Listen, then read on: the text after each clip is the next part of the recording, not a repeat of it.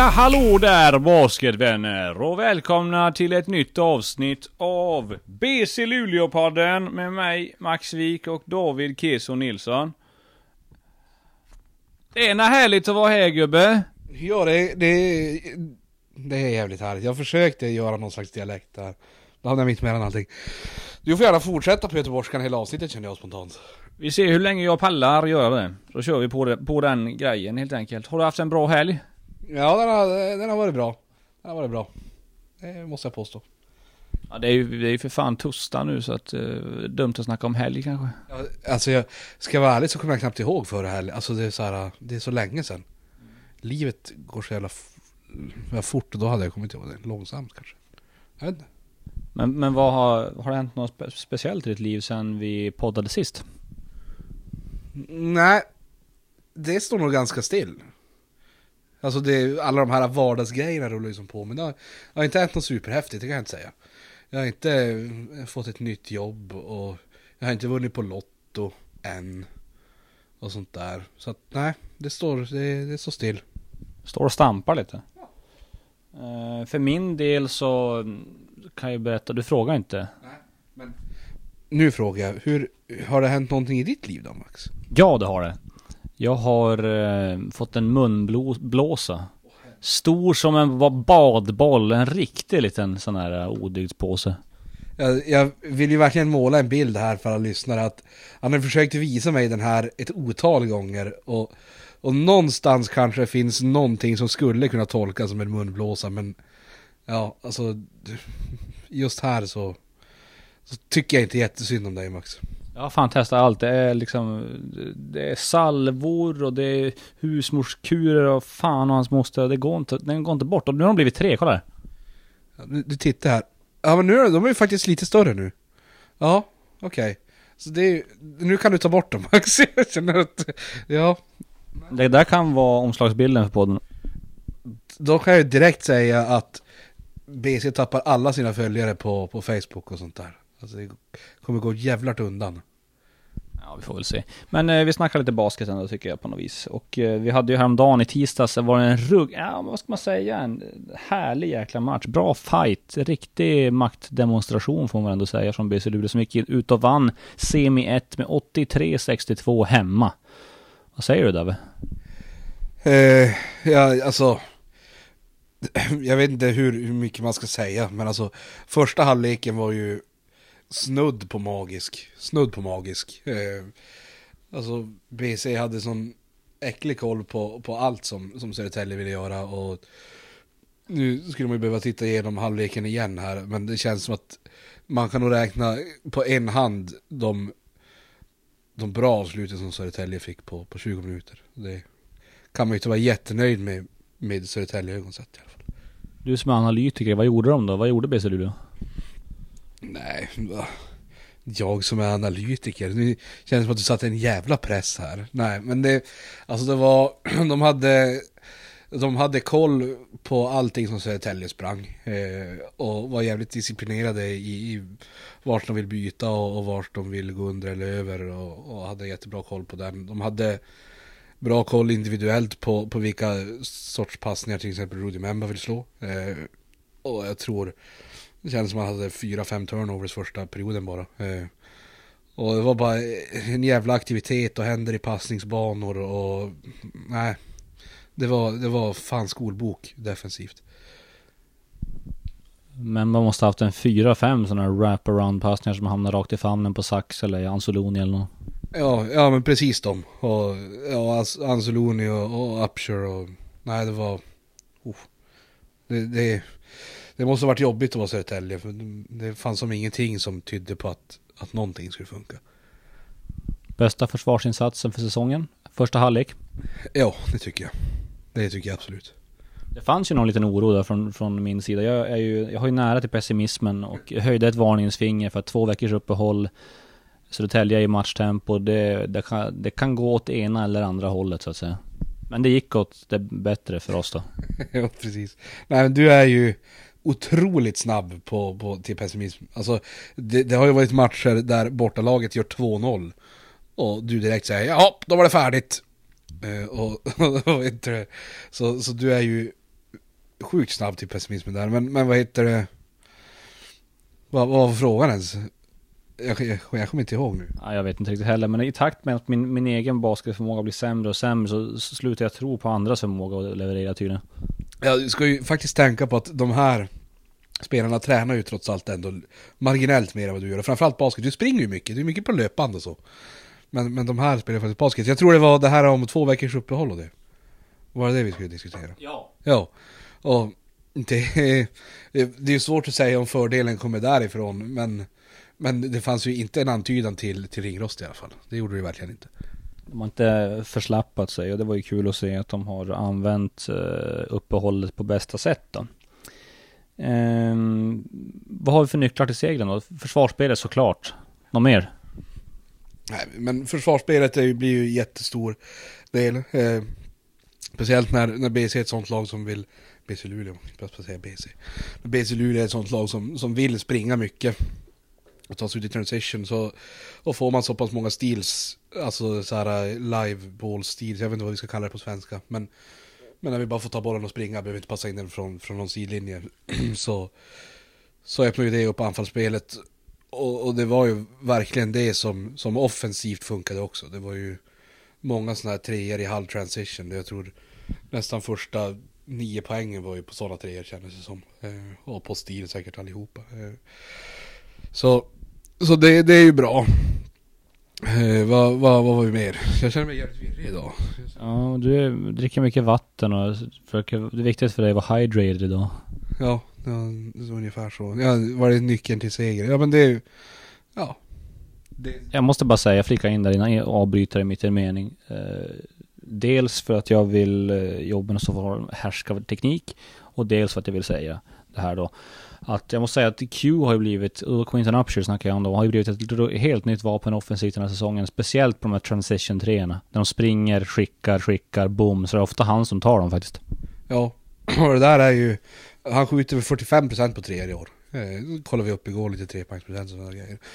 Eh, från, och så kommer man ihåg hur, hur man tycker att det såg ut första, första par veckorna förra året. Där det kändes som att han nästan inte kunde pricka havet från en båt. Men nu är det ju, nu är han ju alltså en, en jävla skytt. Och, och det är klart, det blir ett jättevapen när du har en, en sån spelare som spelar så pass mycket som han gör för att han är framförallt defensivt så pass viktig. Och om han kan börja stänka i 2-3-3 per match, då blir ju det otroligt avgörande.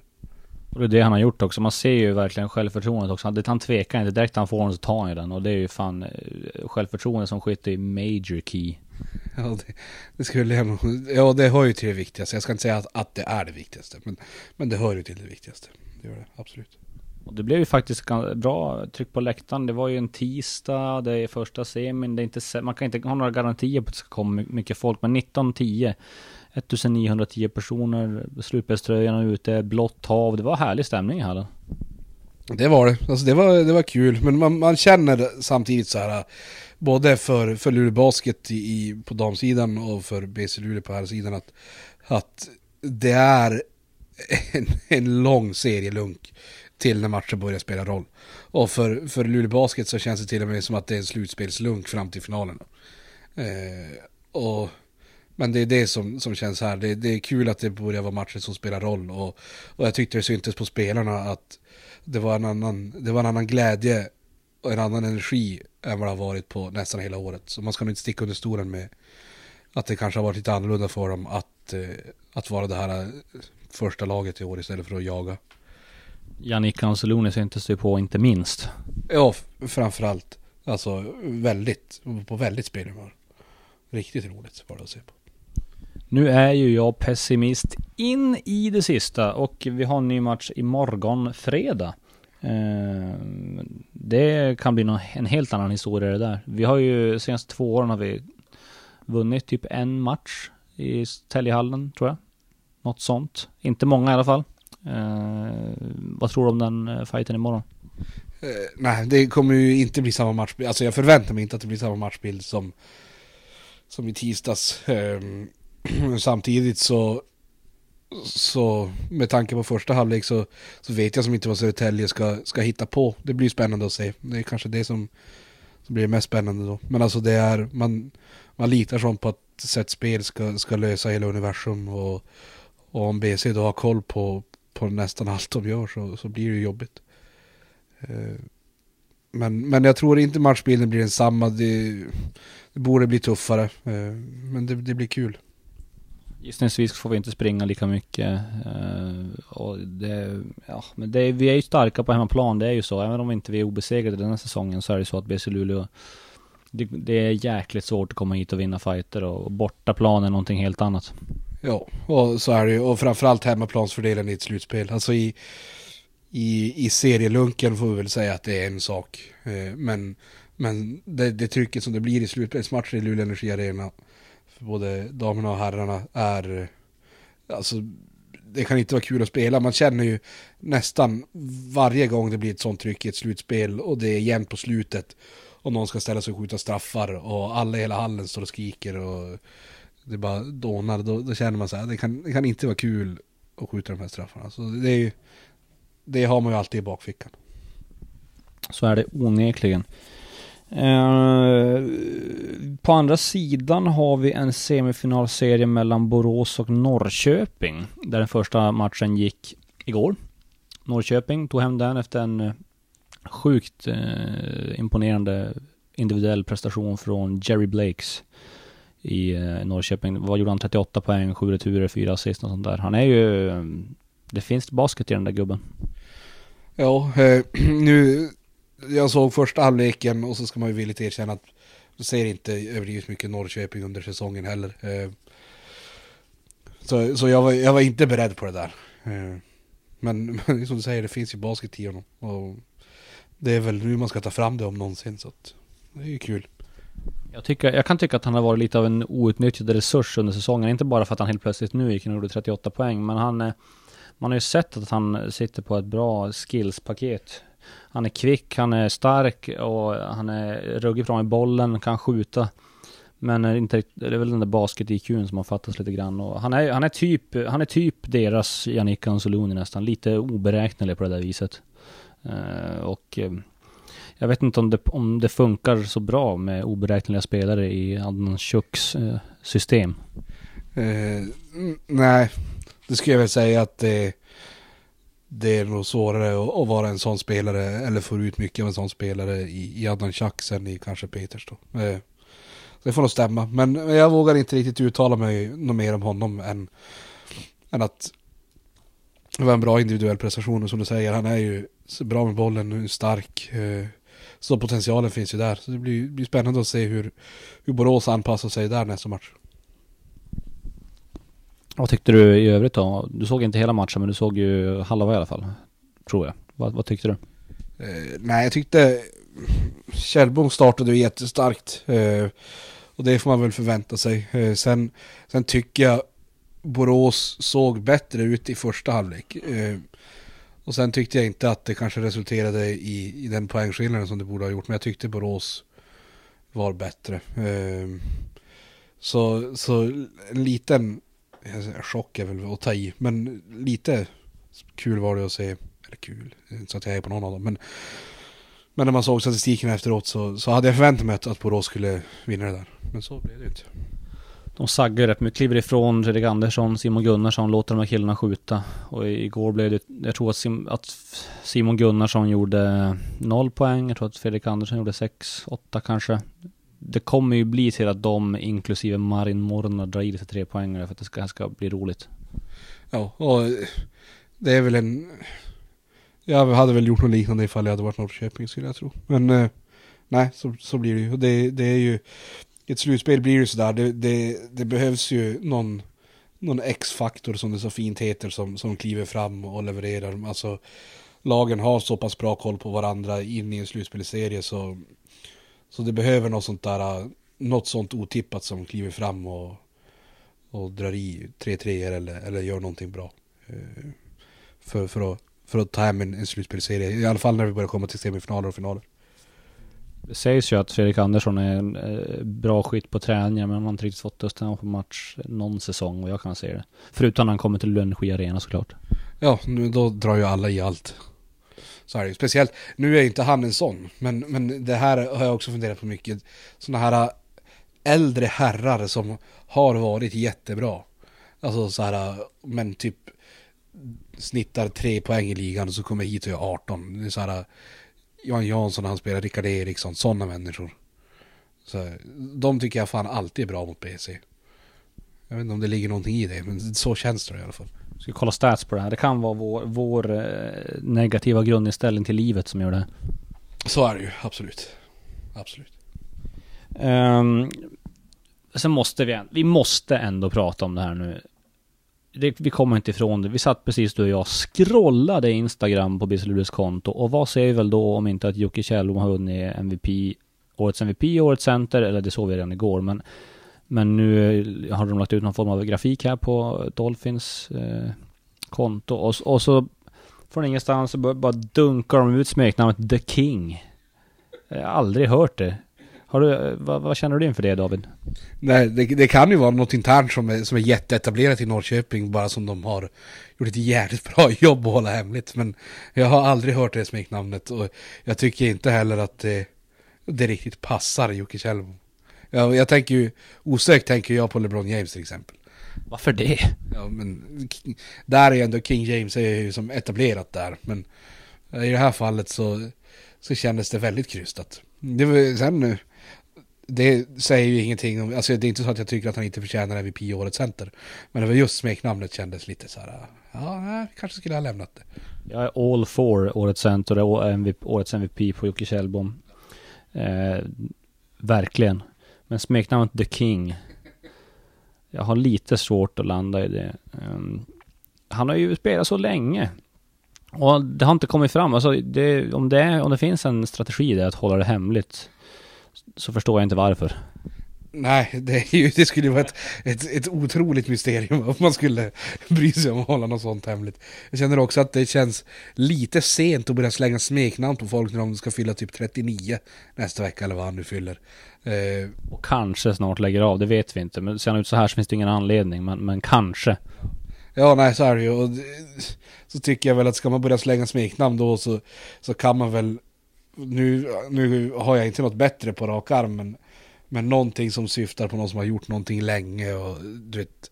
Det är typ som när, när Kobe började kalla sig för att han var som eh, vad var det han kallade sig? Vino. Ja, att han var som ett fint vin som har blivit bättre med varje år. Nå något sånt skulle ju vara bättre då.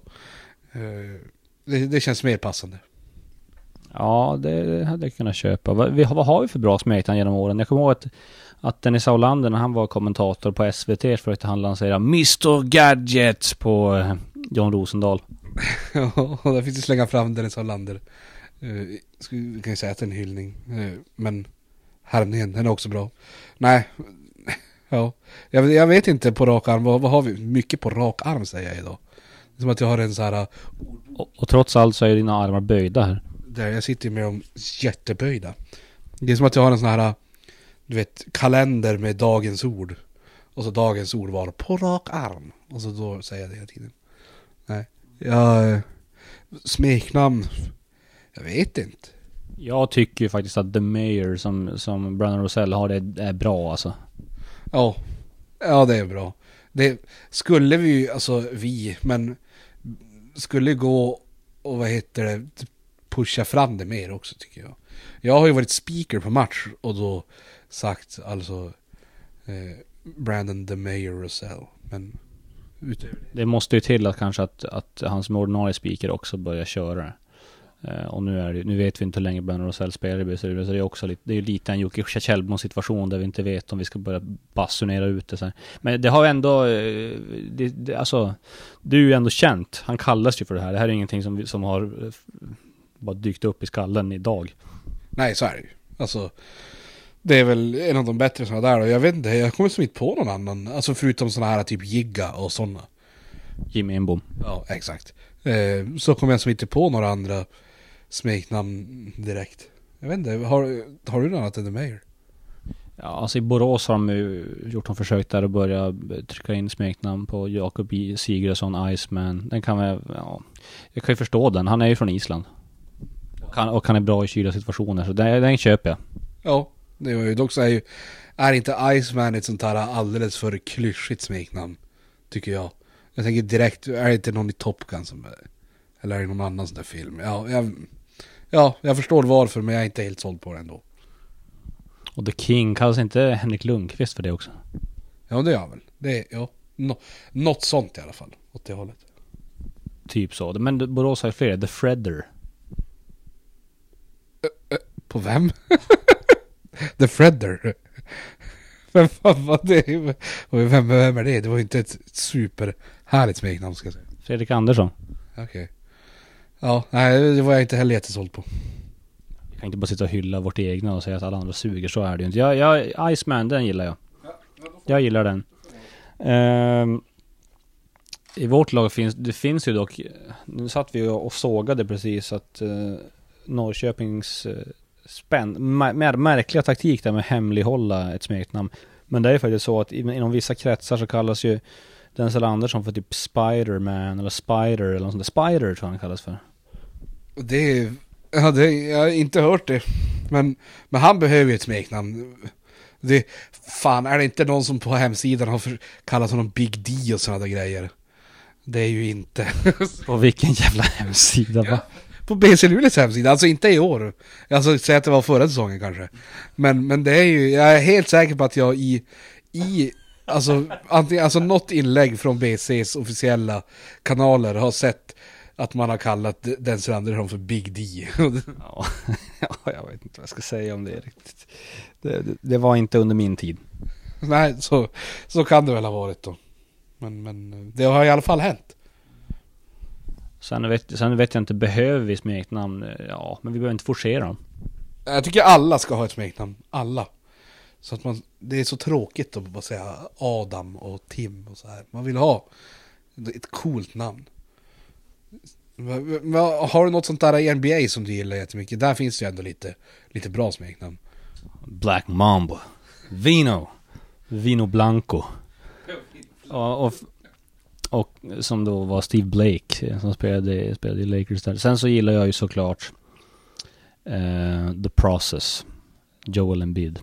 Ja, the, the Process är bra, så tar du ju alla på på Kobe. Jag är fan, alltså den jag tycker är riktigt nice, det är, men jag hatar ju spelaren, det, det är ju, jag är ju väldigt kluven i det, det är Kevin Durant, Slim Reaper, tycker jag är riktigt nice. Men, men Slim Reaper är the process, sa jag då. KD har ju flera, Durantula kör de väl också? Ja, det är också lite så här åt Spider-hållet, men nej, Slim Reaper eller, eller the process. Och den som har fastnat mest ändå på Durant måste ju vara KD, bara rätt och slätt. Ja, så är det ju. Men sådana är ju svintråkiga. Det är det jag menar. Det är, alltså, det är inte kul. Det ska vara coola smeknamn. Agent Zero, Gilbert Arenas. Ja, otroligt bortglömd och underskattad spelare. Sen får han ju kanske skylla sig själv när han börjar så här flasha med vapen i omklädningsrum. Men fan, det är en snubbe som man saknar. Ja, men han var häftig. Ja, då finns det några. The Stro Show. ja, nu vet jag inte hur mycket vi ska fastna i så här smeknamn på NBA-spelare. Men Stroman Swift, han var också cool. Men då finns det bra smeknamn. Men jag tycker man ska inte forcera dem bara för att. Utan det måste ju komma till en på något vis. Keso, det är ett klassiskt smeknamn. ja, den, den har ju kommit. Det är ju, det är ju inte forcerat alls kanske. Ja, nej, nu fanns det väl inte det där. Vi lämnar, vi går vidare eh, och vi... Eh, det händer ju mycket i Norrköping. Lasse Johansson, klubbdirektör, lämnar. Eh, så här meddelades häromdagen. Eh, anar vi en liten turbulens där eller? Det verkar ju inte påverka laget i alla fall, men lite luftgropar kanske? ja, turbulens känns ju hårt, men, men eh, lite om, omsättning eller rullians på folk i alla fall. Det är ju ett jättetapp för Norrköping. Känns det ju som utifrån i alla fall. Eh, så vet jag inte vad mer jag ska säga. Alltså det blir ju spännande att se hur de, hur de går vidare från det där. Men, men jag känner utifrån att, att det är nog ett ganska stort tapp för Norrköping. Initialt har det inte påverkat laget så mycket, men man vet ju inte. Jag, jag, jag, ser, jag har inte någon insyn i vad, det dagliga arbetet som man har gjort och så. Men det är en bra gubbe, kan mycket basket, det, det kan man ju säga. Utbildad, vältalig. Alltså, jag vet ju inte heller hur mycket att en sån människa byts ut som påverkar laget just så här kortsiktigt. Alltså, eh, det, jag tror det är mer den långsiktiga påverkan. Det är som om Gud förbjude Lars Rosensson inte, eller skulle säga upp sig idag så, så vet jag inte hur mycket det skulle påverka Quentin Upshur till exempel. Men Eh, hur som helst så är det ju, det är tufft för dem. Vi får se hur de, hur de tar sig vidare från det där. De kan, de kan nog, trots eh, skador som de har och, och slutande klubbdirektörer så blir jag ju absolut inte förvånad om jag ser dem i en SM-final om några veckor. Um, nu är det dags för min favoritdel av podden. Kesos kanoner. Ja. Ja, det, det tycker jag är bland det bästa vi har gjort. Ehm, vet du vem det är som pratar in vårt eh, intro på östgötska? Eh, det är väl unge herr Anton Sachs. Ja, jag ska inte säga någonting där, men jag kan väl säga att han eh, har ett jävla klipp i steget. Jag kan säga att han är klipsk. Han är en riktig klippa. Ja, det är ju sant. Ja, jag, jag kommer inte på något. Ordvitsar är ju förmodligen min sämsta gren som människa. Jag är otroligt svag på ordvitsar. Men jag tycker de är väldigt roliga. Alltså, Sax klippte till. ja, det är ju det är en jävla klassiker. När tidningen gör det, då blir man ju bara trött. Då blir, då blir man ju bara trött. Men när, när vanliga människor gör ordvitsar är det ju hysteriskt roligt. Jag avslöjade faktiskt för Upshur Quinton igår att sax betyder scissors på engelska. Han visste inte. Oj. Ja, det känns ändå som att man borde ha koll på. Det är ju som eh, det, i någon sån här presskonferens inför Oceans Eleven eller något sånt där när George Clo- Clooney, George Clooney och Brad Pitt var, var i, i Sverige så var det någon reporter som avslöjade åt George Clooney att är han med i Ocean? Ja, jag tror att han är. Att eh, vad, vad Brad Pitts efternamn eh, betyder i Sverige, vad Pitt alltså är i Sverige. Det tyckte George Clooney var svinroligt. Så lite på samma nivå kanske. Lite så, eh, lite så är det. Um, men du, vi har lite nytt upplägg för Kesos kanoner. Det var ju som, vi testade oss fram. Vi famlade lite grann i mörkret senast. Um, och då du egentligen bara, jag sa mina hot takes. Eh, de här kontroversiella åsikterna som inte jag, det är inte mina åsikter utan det är bara kontroversiella åsikter. Det, det ska ju sägas. Eh, och så fick du kommentera dem. Men nu ska du få argumentera för dem istället. Alltså det här blir dina åsikter och du måste helt enkelt då ta dig an dem och, och, och ja, argumentera för dem. Så vi rullar introt. Jesus kanoner du.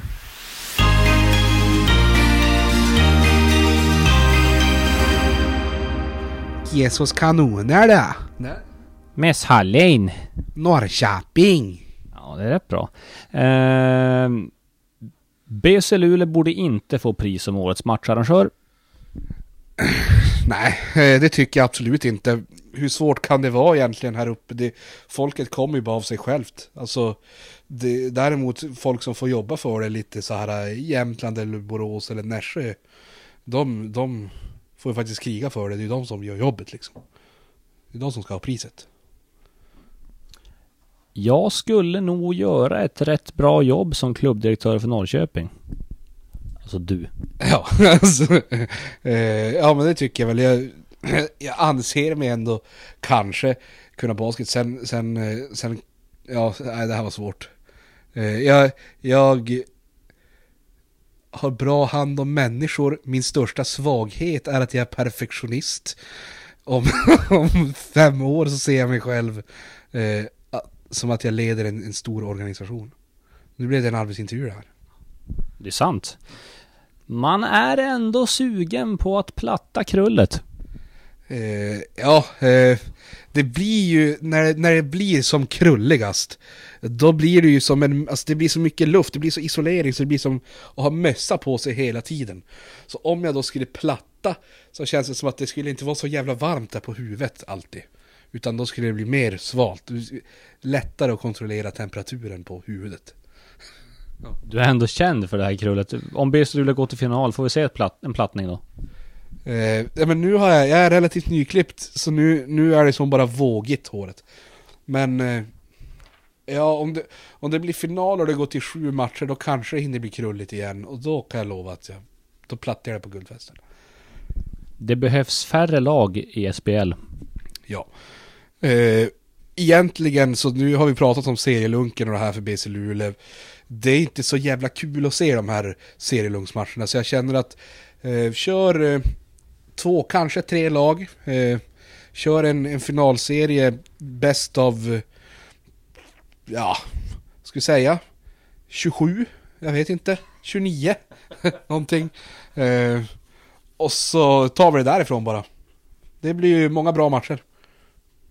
Och Då kan det ju bli färre matcher också. Om till exempel det går bra för BC Luleå, då, då behöver man ju bara spela 13-14 matcher på en säsong. Och så då, då slipper de här alla skadade spelare och, och sådana här Tony Bisaccia och sånt, de slipper ju känna att åh fan vi måste spela ända in i maj. Då kan de få känna i januari där att åh vad skönt att vara färdig. Det blir billigare också, så det blir ju, kontrakten blir kortare. Det finns många fördelar. Ja, det är, jag skulle säga det där är ju bara fördelar. Tim Kearney har mjuka armbågar. Eh, Tim... Oj. ja, alltså Tim Kearney är ju inte så, så ful som alla säger. Jag tror att det är alla andra som är lite för, för, mjuk, för, för mjuka. Alltså, till exempel så bomull är ganska mjukt, men det fuckar ju upp luft. Eller hur? Men en diamant fuckar ju upp bomull och då skulle jag säga att att Tim Curtis armbågar kanske är bomull och resten av basketligan är luft. Så, så får jag göra. Det, det, höll, det höll hela vägen ut till det. Bra Kesos kanoner. Ja, alltså, jag skulle säga att alla de där var ju på uppstuds, så det var svårt. Jag skulle, den svåraste var nog Tim Kearneys armbågar. Det var svårt. Det var svårt. Nailed it though. Ja, det, det, jag håller med. Helt med. Alltså, jag perfekt skulle jag säga. 10 av 10. Vi har ju en eh, solskenshistoria som är the talk of the NBA. Jag tycker det är kul ändå. Andre Ingram, spelat 10 säsonger och sånt där. 10 år, 12 säsonger, whatever. Han är 32 år. Har aldrig gjort en NBA-match. Uh, eh, gnuggar på i D-League som numera heter G-League. Och så med några få matcher kvar av grundserien så gör ju Los Angeles Lakers en uh, magisk eh, uh, PR-knep när de plockar upp honom. Uh, livesänder i princip. Nej, inte livesänder, men de, de dokumenterar när han får the call-up på Magic och alla är där och, och berättar för honom att vi, vi, vi vill ha det i Lakers. Matcher som inte betyder så mycket, de kommer redan missa slutspel, in med honom, låt honom spela och gör 19 poäng. Och så hela världen jävla exploderar. Det är ju, de är ruggiga på sånt där i NBA. Ja, alltså PR-mässigt så är det ju magiskt det där. Alltså det måste ju ha genererat något så sjukt mycket trafik åt, åt Lakers och, och klick och sådana grejer. Men jag, jag känner, det är klart jag tycker att det är en fin grej och sådär. Men jag känner samtidigt att kan vi bara som lugnar ner oss lite så här. Han har ändå varit proffs i tio, alltså tio år. Han har liksom inte harvat på och spelat gratis och, och ätit nudlar till frukost, lunch och middag i tio år. Alltså, har ändå fått betalt för att spela basket. Och det är klart att han hade kanske kunnat få till Europa och tjäna mer pengar, men men det är ju som, ja. Jag tycker, kan, kan vi bara lugna ner oss lite i, i extasen över det här? Han har dock varit math tutor på sidan av eh, sin dylik karriär för dryga ut lönen lite grann och för att han bara har en genuine passion för math. Ja, det är ju också sådär, det är en jättefin grej, men behöver ju som inte betyda att man är såhär moder Teresa, fast moder Teresa, ja, dåligt exempel kanske. Men, men eh, ja men det var, det, jag säger det igen, jag tycker det var en kul, jag tycker det var en, en rolig grej, men jag känner inte att det behöver vara så här det största som har hänt i mannaminne och, och alla NBA-spelare bara lägger upp vilken jävla inspiration det är och, och så här, ja det, det var ju häftigt, bra jobbat. Nu går vi vidare och fokuserar på slutspelet. Tycker jag. Visste du att han har spelat i samma D-League-lag som eh, Carlos Wheeler som har vunnit två guld med Plannja? Och han kom från Richmond tror jag, som är samma hemstad som Brandon Rosell har. Ja, jag hade faktiskt koll på det. Jag, alltså han, eh, jag skulle ju säga att han är i princip en Luleåbo. Eh, och jag tycker att eh, så fort eh, NBA-säsongen är slut tycker jag herr Mosesson ska slå en signal. Kolla där, tjena, vill du komma hem? Eller? Och så säger han, ja det vill jag. Och så vinner vi guld nästa år också. Och så blir det tröjan i taket och hela haderullan. Eh, exakt. En hyllning, en så här likadan hyllning som till Elliot och sånt där. Och Håkan och John och Spela upp klipp från hans karriär i Plannja. Exakt. Jag ser det här framför mig, det blir oh vad vackert. Jag, gåshud och tårögd. Gåshud och tårögd. Ja, jag ser det på dig. Du, du, är, du är tagen. Men eh, för att ta det här då till, till någon form av, eh, göra en lokal vinkel på det som man, som man brukar säga på, i, på tidningsspråk. Ehm, har vi några sådana här gubbar i Superettan eller Basketettan som har gnuggat på och som skulle kunna få komma upp och... Eh, Alltså jag vill bara säga en grej. Jag, jag sitter alltså och håller i en leksakselefant. Och den, alltså den, den speglar sig sjukt bra i fönstret till, till poddrummet. Alltså ser det ut som att den svävar i luften, ser du det Max? Ser du det? ja, det ser sjukt ut. Alltså det, det här är topp tre det häftigaste jag sett i hela mitt liv. Alltså för bakgrunden och jag syns inte alls i fönstret. Men leksakselefanten är som att den är jävlart där borta typ. Den är som gjord av något reflexmaterial som bara, som lyser upp genom rutan. Men det konstiga är när jag håller i den så ser det inte ut att vara något sånt material. Men, men den blir typ vit nästan i rutan. Det här är alltså, det här är sjukt. Det kan vara omslagsbilden, den här elefanten. Ja, i alla fall speglingen av elefanten i rutan känner jag. Jag hoppas att det överförs till kamera. Jag tror inte att jag är en så bra fotograf så jag kan fånga det. Ja, men hur svårt kan det vara? Det, allt hänger ju på kameran Max. För får jag bara säga det, det är lite konstigt när folk säger sådär, när man tar fina bilder och bara oj vilken bra kamera du måste ha. Du får ju som aldrig hem till någon som lagar jättegod mat och så bara oj vilken bra ugn du måste ha. Det händer ju som aldrig. Men direkt så tror man som när man tar bilder, då är det bara kameran typ. Det, det är en jävla spaning du har gjort den.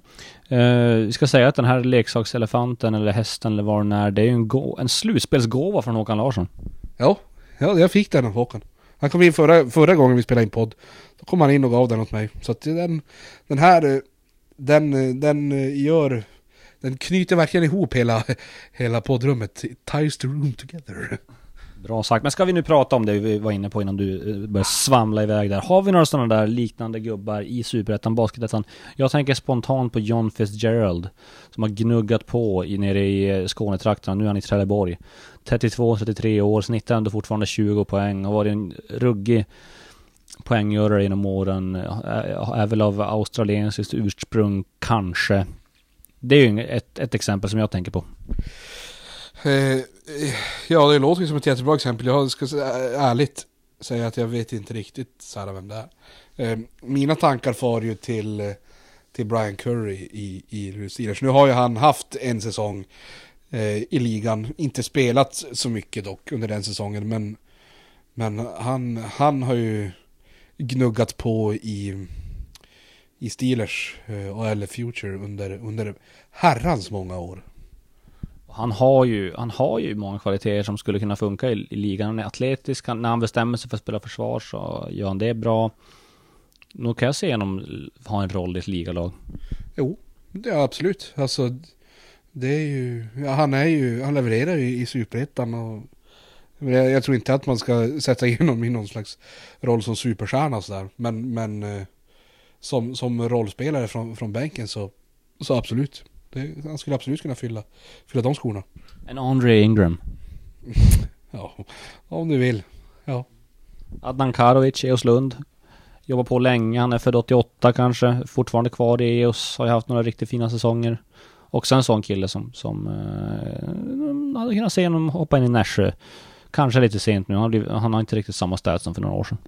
Ja, nej, det, det hade ju varit kul. Och så, så jag tror jag tror ju att det blir mer sånt där från superettan känns det som. Det blir ett, ett mindre hopp än, än basketettan-ligan. Det blir, det blir lite närmare att kanske våga kalla upp någon därifrån. Tror jag. Ja, vi har, vi har några, några potentiella sådana här eh, Andre Ingram-historier som ligger bara och väntar på att få se dagens ljus, eller vad man ska säga. Um, vi vet också, David, att eh, det har delats ut en del priser i ligan än så länge. Vi har eh, Årets Artist, Nimrod Hilliard. Vi har eh, Eric Smith i eh, Umeå. Han fick Årets Gard. MVP, eller MVP. Jag har aldrig sagt MVP förut. Eh, Jocke Kjellbom, Årets Center. Jocke Kjellbom, Årets Lyft, Umeå. Det är väl dem. Har du någon spontan kommentar till dem? Nej, alltså jag tycker de, de flesta känns väl okej. Det, det som är lite är uh, Hilliard som årets artist, artist, artist. eh, just bara på, på grund av att han har varit borta så mycket. Eh, och jag är lite kluven till, att- till att dela ut sådana priser till, till folk som missar typ halva säsongen. Eh, han, ju- han måste ha missat många matcher. Du vet ju, nu är det på att säga på rak arm igen. Vet du hur många matcher han har missat i år? På en höft? Nej. På en höft så har jag ingen aning heller. Men det känns som många. Ehm, och då, då vet jag inte riktigt om jag, om jag är helt överens. Men, men alla andra är ju jättesvårt att argumentera emot. Alltså, De är rimliga. Sen så får vi se det framöver. De som är kvar delar ut i årets coach. Vi har årets matcharrangör, årets försvarare, årets forward. Det är väl de. Stjärnskott kanske också. ja, och vad är definitionen av stjärnskott?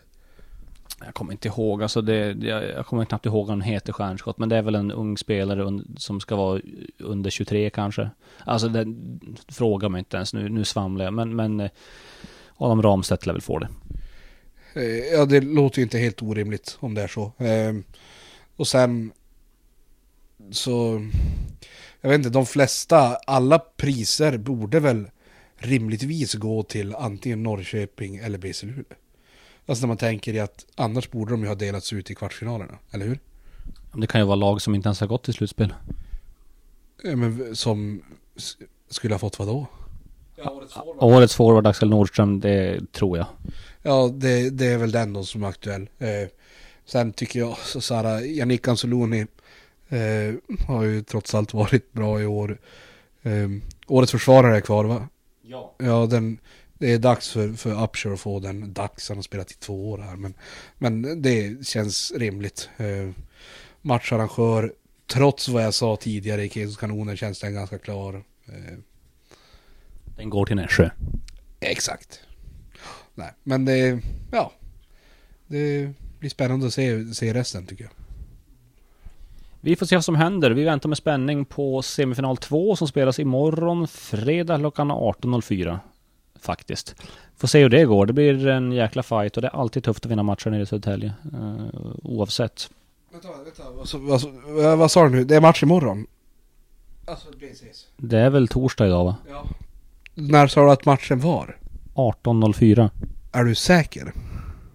Ja, Nu är jag 100% säker. Jaha, för att jag har bokat bord på Allstar till 18.30 och ska se matchen.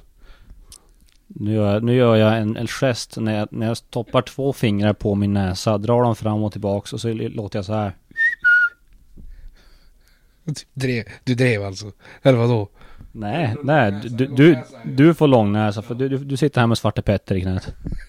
Det var många härliga uttryck. Jaha, vad fan, då får jag boka om det då. Vi följer Davids bokningshelvete med spänning. Tack till alla som lyssnat, tack till David Keso Nilsson och vi säger på återhörande.